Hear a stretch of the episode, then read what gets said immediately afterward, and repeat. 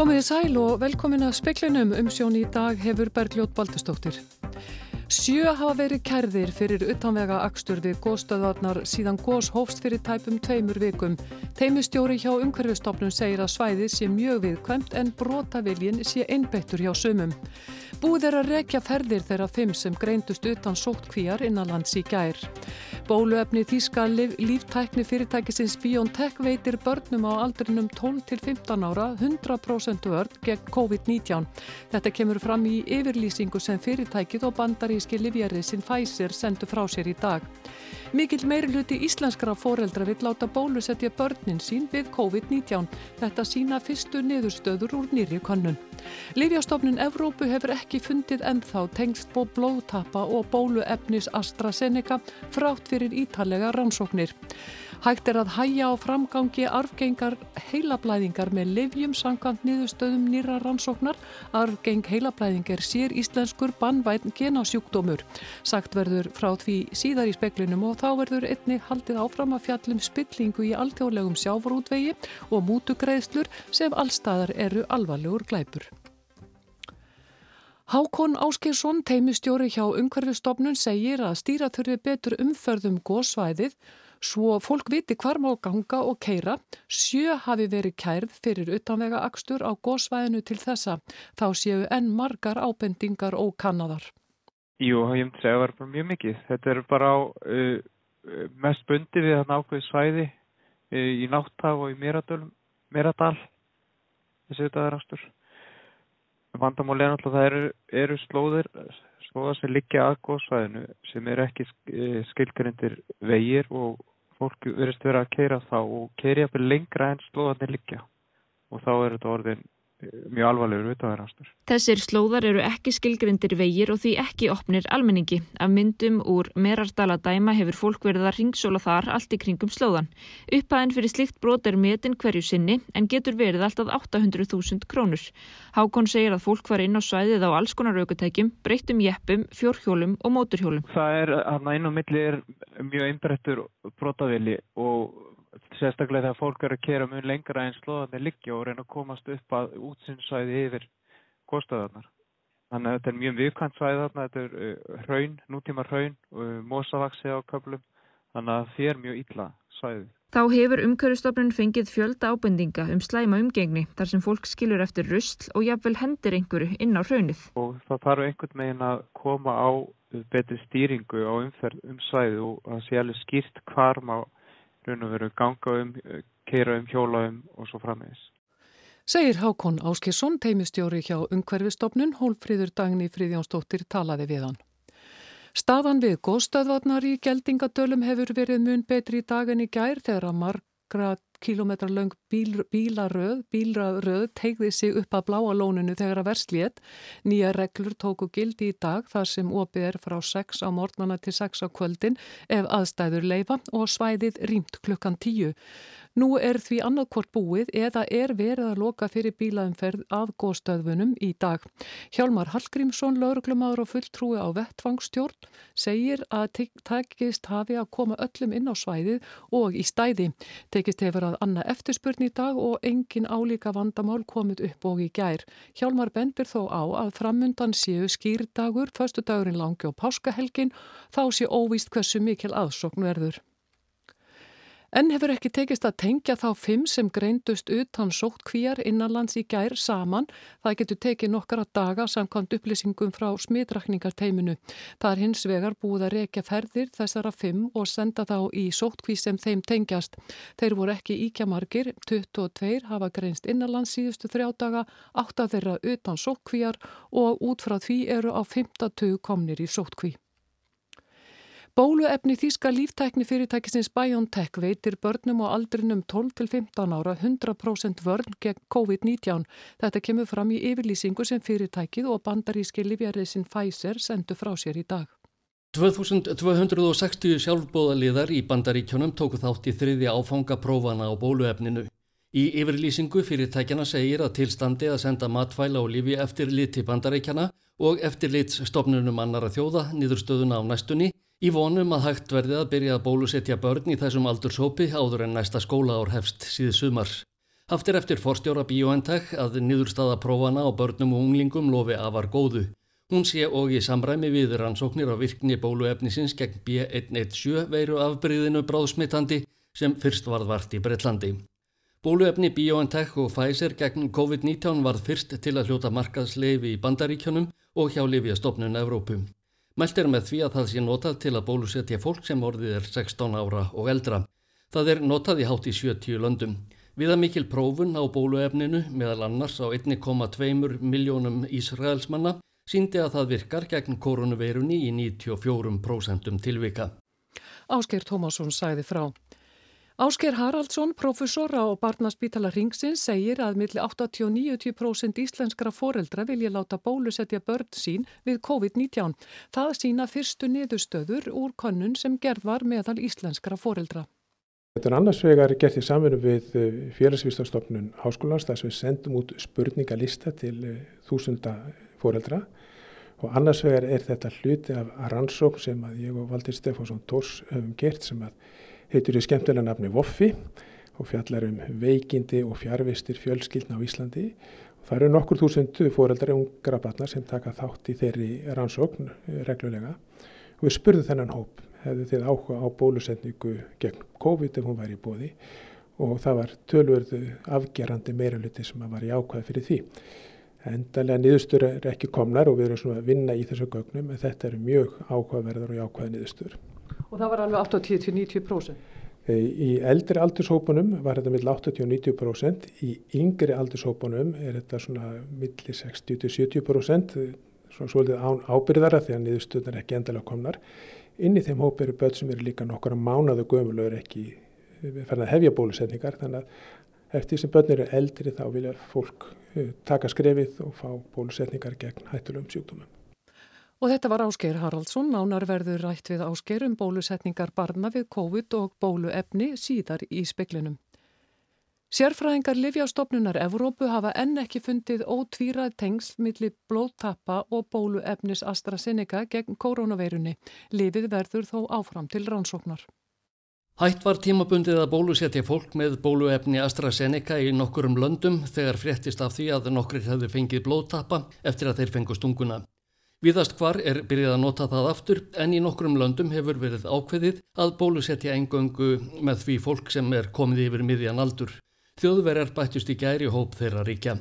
Lífjastofnun Evrópu sendi frá sér tilkynningu í dag þar sem ítrekkuð var fyrir yfirlýsing um að engin tengsl hefðu fundist millir bóluefnis AstraZeneca og blóðtappa, hvort sem litið væri til aldurs, kynferðis eða upplýsinga um heilsufar þeirra sem rannsakaðir hefðu verið. Sérfræðingarstofnunarinnar halda þó áfram að rannsaka málið. Von er á frekari upplýsingum í næstu viku eftir fund öryggisnemdar stofnunarinnar sem haldin er mánadarlega. Vitað er um 62 tilfelli blóðtappa eftir að fólk var bólusett með efni AstraZeneca, þar af 44 á evrópska efnahagsvæðinu. Ásgeir Tómasson sæði frá.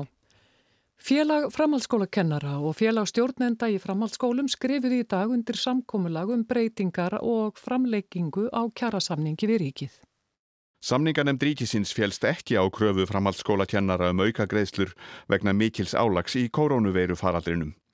Nýja samningnum er ætlað að gilda frá 1. janúar 2021 til 31. mars 2023 en samningur framhaldsskólakennara rann út um áramótin. Guðjón Hreitn Haugsson, formaður félags framhaldsskólakennara, segir í samtali við fréttastofu að kennarar ætla að halda áfram að ganga eftir því að þau mál verði leist farsælega innan hvers skóla. Guðjón vil sem minnst segja um samningin sem er í anda lífstjara samningana en telur hann ásættanlegan í stöðunni. Í apríl á síðast ári undirrituðu framhaldsskólakennarar skamtíma samning en þá hafðu þeir verið samningslausir í rúmt ár. Nú segir Guðjón verið að staðfesta áframhald og eftir fylgni þeirrar vinnu sem þá var unnin. Samningaviðræður gengu ekki sem stíldi fram að áramótum en nú er samningur í höfn með fulltingi ríkissáttasemjara og með fyrirvara um samþykki félagsmanna félags framhaldsskólakennara og félags stjórnenda í framhaldsskólum. Fyrirkomulega kynninga og atkvaðagreðslum samningin verður kynnt strax eftir páska.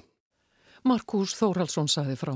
Ásker Haraldsson, profesora á Barnaspítala Ringsins, segir að meiri hluti íslenskara foreldra vilji láta bólusetja börnin sín við COVID-19.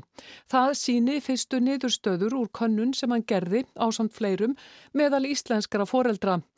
Um 800 börn hafa veikst af COVID-19 hér á landi frá upphafi faraldusins, flest á unglísaldri. Ný bóluefni eru yfirleitt prófuð fyrst á fullornum og fyrst þegar að vitað er að þau teljast örug er kannad hvort þau hendi fyrir börn. Hafnar eru rannsóknir erlendis á virkni nýju COVID-bóluefnana fyrir börn. Já, það er hafið í nokkurum löndum og fyrir nokkur mismunandi bóluefni og þau fyrstu rannsóknir úr þeim fyrstu nýðustur úr þeim rannsóknum eru væntilegar á næstu mánuðum. Hefur einhverja hugmyndum þá uh, í framhald að því hvenar uh, get, er hægt að hefja bólusetningar á börnum? Ja, við erum, hefum orðið vörð við það að, að foreldrar hafa mikinn áhuga að fá bólusetningar fyrir börni sín. Eh, fólk vil geta ferðast og fólk vil vera örutum að börni sín og geta vernda þau. Þannig að það tölurinn þrýstingur að þetta gangi hratt. Eh, það má svona vænta þess að innan nokkura mánada, háls ás eitthvað svo leiðis kannski næsta haust, þá verði fara uh, bólusta börn í meira mæli. Væntalega mun að byrja með unglinga sem eru svolítið að smítast núna en uh, setna kannski fyrir minnstu börnin. Og það er enda rétt að það eru tölvöldum fréttir að börn sé að veikjast En það er rétt að hafa í huga. Kári Stefánsson hann eh, sagði nú einhver tíman að það virti sem að þessi skrampansveira hefði einhverja sómatilfinningu sem að fælst í því að hún smitar síður börn og það er rétt og við vitum reyndar hvers vegna það er. Hvers vegna? Eh, það er svona ákveðnar frumu breytingar, ákveðnar yfirborð sameindir á frumum sem að veiran notar til að komast inn í frumur og síkja frumur og þessar yfirborð sameindir Eh, er í ríkumæli í öndunvegi og meldingarvegi, taugaveg og svo, og svo framvegis. En þessar sameindir eru mjög lítið þroskaðar í börnum þannig að veiran finnur ekki leiðina inn í frumunnar. En einhvað síður er það þannig að börn síkjast, þó þessi sjálfnar þau síkja samt og þau veikist oft minna, þá veikist þau stundum alvarlega. Þannig að þau smitast, þau síkjast og þau getur alvarlega veik og við verðum að taka verðum að taka tillit til þess.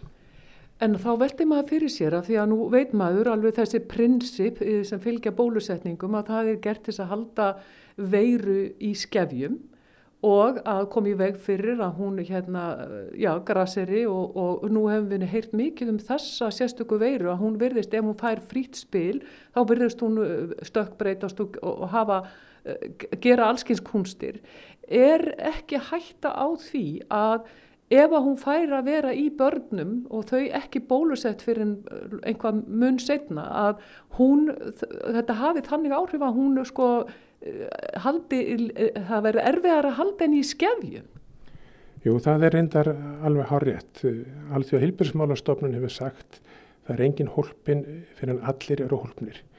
Og við verðum að gera okkur grein fyrir því að ef að við Ríkulöndin eh, getum bólusett flesta okkar íbúa ef að, að koronaveiran er áfram í miklu mæli fátökum löndum þá verða það til stökk breytingar og aðbreyð sem að gætu verið alvarleg og gætu þá komið til annara landa. Svipað gæti verið upp á teininum þó í minna mæli sé ef að eh, koronaveiran fær að vera áfram í börnum og unglingum að þar gætum verið til staðar, þar gætum breytt sér og gæti smítast áfram. Við veitum reynda líka um uh, aðra sjúkduma, uh, það eru til mjög greinlega dæmi til dæmis um influensu að, að börn smittast af influensu og eru miklu smittberar. Þannig að til þess að hefta útbreyslu influensu, svo dæmis er tekið, þá er hefðlegt að bólusta börn. Þannig að þú telur mikilvægt að það verði e, drifið í því að e, þróa bóluefni fyrir börn? Já, ég held að það sé mjög mikilvægt og fyrir því eru kannski, kannski fáinnar e, ástæður. Bólefnið virka, virðist vera afar virkt, eh, mjög öflugt með mjög fáar aukaverkanir þannig að eh, það er eiginlega ekki réttlætanlegt að halda því frá börnum og þá er að skilda lifja fyrirtækjana sem að eh, framleiða þessi lif eða bólefni að klára þessar rannsónis og þetta standi börnum einni til bóða. Það sem er líka afar mikilvægt að hafa í huga er að þessi nýju bólefni sem eru svona virk og eru svona öflug og eru svona, hafa gengið svona ótrúlega vel, að þau við verðum að vita nákvæmlega hvernig þau virka í börnum. Það er visslega svo að það bendir allt til þess að þetta virki mjög vel en við verðum að hafa niðurstöðnar á borðinu. Við vitum ekki alveg hvernig næsti faraldur verður og vonandi langt í hann en við vitum ekki hvernig hann verður. Kanski mun hann ekki lífa börnum og þá er einskott að við vitum að þessi mRNA bólefni virki vel, rætt og öruglega á börn jafn sem fullarna. Er hægt á því að ótti við bólusetningar hafi áhrif á uh, þessa bólusetningu, COVID-bólusetningu? Uh, svo virðist ekki vera. Uh, íslenski fóreldrar eru mjög skinsamir og nánast allir þykja þessar hefðbundu bólusetningar. Það er svolítið spurning með þessa nýju bólusetningu og við höfum reyndar verið að gera rannsóknur á þessu ég og Valdir Stefánsson Tórs annars verið samstarfi við félagsvið síndarstofnun háskólans og hins verið við fólkir innan hús á landsbytala, sérstaklega Þorvar Jón Löfi og við höfum spurt foreldra hvort að þeir myndi vilja bólusetningu gegn COVID fyrir börni sín. Niðurstöðnar liggja ekki endanlega fyrir og við erum svona að vinna úr þessum gögnum En annars var spurðum við fóreldra barna sem voru fætt eftir 2006, þar sem börn á aldrinum nýfættu upp til 16 ára aldurs, hvort þau myndi þykja bólusendingar. Eh, svo verið sem að yfirgnæfandi meirluti fóreldra sé mjög jákvæð eða jákvæð gagvart bólusending. Það er millir 80-90% sem myndi ekki hika við það þykja slíkar bólusendingar. Eh, spurðum líka uh, sérstaklega fóreldra ungra barna yngre en fjögur ára Og einnig þar var yfirgnefindi meiri hluti sem að vildi fá slíkar bólusetningar til að vernda börni sín gegn hættunum sjúkdómum. Svo þetta vekur okkur mjög góðar vonir að það takist að temja óheimjuna á, á Íslandi með aðstóð allra. Og þetta var Ásgeir Haraldsson. Fastur liður í alþjóðlegum skýrslum um spillingu í sjávarútvegi er að beina aðteklinni að mútum fyrir veiðileifi og kvota. Spilling er oft skilgreynd sem misbeiting valds í eiginhagsmunaskinni. Mútur eru fasturliður í spillingu viðlóðandi vandi í Namibíu og víðar í Afriku og vitað í áratýji að múturnar koma yðurlega frá fyrirtækjum í þróðum löndum þar sem mútur týðkast ekki. Árið 1977 settu bandaríkin lög gegn spiltum viðskiptáttum Erlendis, sama hafa fleiri lönd gert þá einnig Ísland. Í bandaríkjunum hafa bæði bandarísk og erlend fyrirtæki með bandarísk tengsl miskunarlaust verið sótt til saka fyrir mútugreðslur erlendis. Alls er að þing saminu þjóðana samþykti samning gegn spillingu 2003 sem Ísland gerðist aðilega að 2011. Í umfjöllun um spillingu í alþjóðlegum sjáarútvegi er nýtt á hvernig spilling grefur undan sjálfbærum veiðum og beinir hagnaði greinarinnar í farra vasa í stað ríkisjóðus. Sérlega daburlegt í íslenskum augum eins og Bjarni Bendisson fjármálaráðara kom inn á í viðtali við stöð 2 í nóvumber 2019 eftir umfjöllun kveiks um samherjamálið. Þetta er auðvitað afskaplega daburlegt í alla staði, eh, bæði eh, vísbendingar um eh, mútugreðslur, skattundanskot, sömulegis bara ástandið í landi þar sem við höfum átt í samstarfi um þróunaraðstóð að sjá illa farið með auðlind eh, á sama tíma og margir búa við bákjör, margt mjög daburlegt við þetta. Já, daburleg enkenni spiltra landa að þar er illa farið með auðlindir og afrakstur þeirra ratar ekki til almennings. Í grein frá júli um spillingu í sjáarútvegi eftir Ífei Jan við London School of Economics og Adam Greikar við Háskólan í Adelaide er bent á að tölvert hafi verið fjallað um ólöglegar veiðar en lítið um spillingu og veiðar. Spilling í sjárútvegi grafi undan velferð, ógni sjálfbærni, fólkjafvel svelti en örfáir misindismenn auðgist mjög. Fræðimennir benda á að skilnings- og þekkingarskortur á spillingu í sjárútvegi standi löggæslu fyrir þrifum auk þess sem það flækimálið hvað fiskveðar eru alþjóðlegar. Útgerðafélag stundar veiðar við fjari heimalandinu og sala aflans geti dreifst af fleiri en eitt land. Í þessu skjóli geti þrifist spilling og skattsveik. Í greininni eru tekin dæmi af helstu byrtingarmyndum spillingar. Einn þeirra er greiðslur fyrir veiðikvota. Vert sé að taka eftir að fyrirtæki frá auðugum löndum sem glým ekki við spillingu geti enga síður greitt mútur erlendis. Dæmið þar eru meintar mútugreiðslur samherja fyrir kvota í Namibíu, segja Jan og Greikar. Dæmi um mál sem tegist til fleiri en eins lands er rakið í skýslu saminuð þjóðana frá 2019 um spillingu í sjárútvegi. Gróið útgerðafyrirtæki í Suðurafriku, Hút Bay, varð uppvist að því að hafa broti reglur um veiðitakmarkanir á humri í 14 ár fram til 2001 meðal annars með því að múta veiði eftirlitsmönnum. 14 voru dæmtir í sektir sem námu nokkrun tugum þúsunda króna, einhverjar mútugreislur gerðar upptækar. Nokkur ára fangelsistómar voru allir skilorspundnir. Tjón ríkisins af veiðunum var metið vera á bylinu 6 til 8 miljardar króna. Sekt fyrirtækisins var tæplega 400 miljónir og eitt skip gert upptækt. Ekki var dæmt fyrir sjálfar mútugreðslutnar. Hluti humarablans hafi verið seldur til bandaríkjana. Fimm yfirmenn hútbei voru dæmtir þar fyrir brota lögum um veiðar dýra í útrymmingarhættu.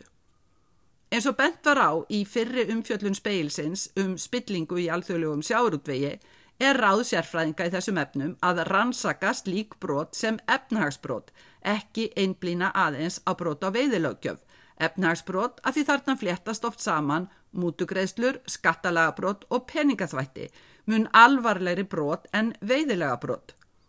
Það er sama hvernig á það er litið. Mútugreðslur eru allstaðar á Vesturlöndum litnar gríðarlega alvarlegum augum. Bankar til dæmis mjög ófúsir að hafa í viðskiptum fyrirtæki sem verða uppvís að mútugreðslum. Því erst lík mál koma fyrir dóm eiga bankarnir á hættu ákærur fyrir hlutdeild. Mútur eru einmitt ekkert engamál spiltra ríkja það er því ekki hægt að skáka í því skjólinu að í fjarlægum löndum týðkist að greiða mútur. Fyrirtæki frá löndum eins og Íslandi eru bundin af íslenskum lögum og mútur ólöglegar ef sannast, hvort sem er heima eða heiman. Það sem auðvitað öllu skiptir hér heima fyrir er það að við höfum stopnanir sem eru vel í stakkbúnar til þess að taka svona mál, rannsaka þau eftir atvikum ákjæra í slíkum málum og við erum með domstóla sem dæma um lögbrot þegar að það á við. Sigrún Davísdóttir tók þennan pistil saman.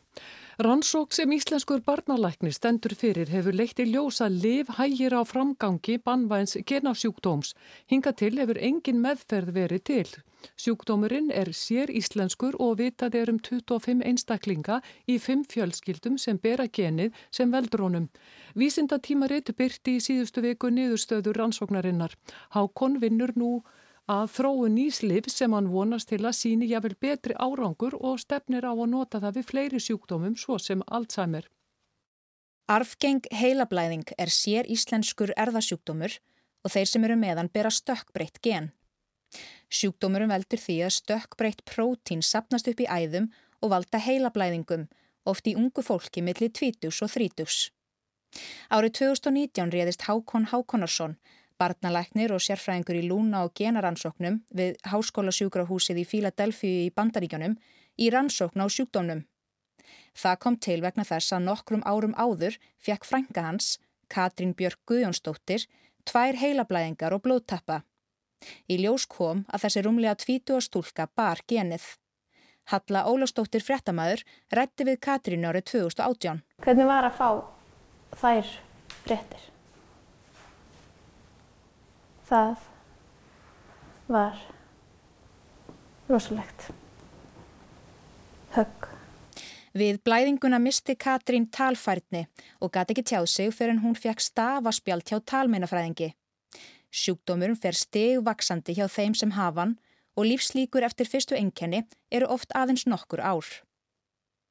Þegar greining Katrínar lág fyrir á hvað hákon að leita lausna og taldi sig hafa fundið liv sem hægir á framgangi sjúkdómsins.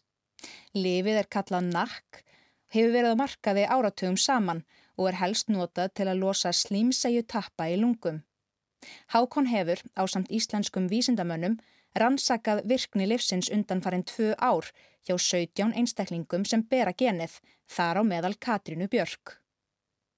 Nýverið byrti vísindatímaritið Nature Communications grein um niðurstöður ansóknarinnar. Ljóstir að lifið getur hægt umtalsvert á framgangi sjúkdómsins. Þetta eru stór fréttir því hingað til hefur ekki verið til neyn meðferði sjúkdómnum. Þannig að það er auðvitað von okkar að þetta verði meðferð sem við náum að klára og koma á markað þó að þetta sé ekki stór hópur af fólki heim á Íslandi að, þá er það samt uh, nægilega stór hópur til þess að, að þetta getur skipt sköpum hjá þessum einstaklingum uh, og, og hreinlega um líf og dauða að tefla. Hægt verður að nota lifið til að fyrirbyggja framgang sjúkdómsins og prótein útfellingar eins og það kallast sem er afar mikilvægt fyrir börn sem bera genið. Stökkbreytta genið er ríkjandi og talið hafa komið fram fyrir átjón kynnslóðum og dreift sér. Einkenni sjúkdómsins komu ekki fram hjá fyrstu kynnslóðunum sem báru genið og er talið að eitthvað í umhverfinu, jafnvel fæða þess tíma, hafi komið í veg fyrir það. Nú er talið að genið finnist í fimm fjölskyldum hér á landi. Það eru ekki nema um 25 einstaklingar á Íslandi sem eru þekktir af því að bera þessa stökkbreytingu en hins vegar þegar við lítum á ættfræði grunn okkar íslendinga þá sjáum við að það eru miklu miklu fleiri einstaklingar sem er í áhættu á að bera þetta gen en þeir hafa ekki sem sagt verið prófaðir uh, og það er náttúrulega kannski að hluta til þegar engin meðferð hefur verið til að þá er náttúrulega fólk ekki kannski endilega að sækjast eftir því að þá að, að, að vita hvort að það er með sjúkdóm sem að getur leitt, leitta til dauða á, á unga aldri. Það er náttúrulega yfirlegt alltaf þá fjölskyldu saga að um heilablæðingar eða heila áföll og eða minnisleysi eh, eða minnistöld hjá, hjá fólki á tiltúrlega ungum aldri í þessum uh, fjölskyldum. Rannsókninni verður haldið áfram en hákonar samstarfsfólk hans eru nú að þróa nýtt lif. Og þetta nýja lif sem við erum að búa til, það fer mun öðvöldara í Eh, inn í meðtúakerfi og í miklu harri skamti þannig að við reiknum með því að það verði ennþá áhrifa meira liv og það er lifið sem við ætlum að taka áfram inn í fasa 3 til þess að klára þessa þróun heim á Íslandi. Hákon segir að þessi ákveðin líkindi með arfgengri heilablæðingu og öðrum sjúkdómum sem stafa af stökkbreytingum og hafa áhrif á minni fólks. Lifið myndi því ekki aðeins skagnast litlum hópi fólks á Íslandi heldur mögulega sjúklingum um allan heim. Og svo eru svona skildir sjúkdómar í öðrum löndum, eh, Norðurlöndum, eh, Evrópu og, og víða um heim þar sem eru próteinútfellingar sem stafa af stokkbreytingum, ekki þessari nákvæmlega sömu stokkbreytingu eins og við erum að sjá í Íslandi því að hún er hverki annars þegar til í heiminum en þetta eru hliðstað stokkbreytingar sem valda sambarlegum skada og við höfum prófað núna í, í rannsóknum hjá okkur og sjáum að þessi liv sem við erum með, sérstaklega nýja lifi, það er að hafa sambarleg áhrif á þessar útfellingar í öðrum Uh, út af öðrum stoppbreytingum þannig að, að við stefnum að því síðan í framhaldi eftir að við klárum þróun á Íslandi að færa þetta inn í önnur lönd.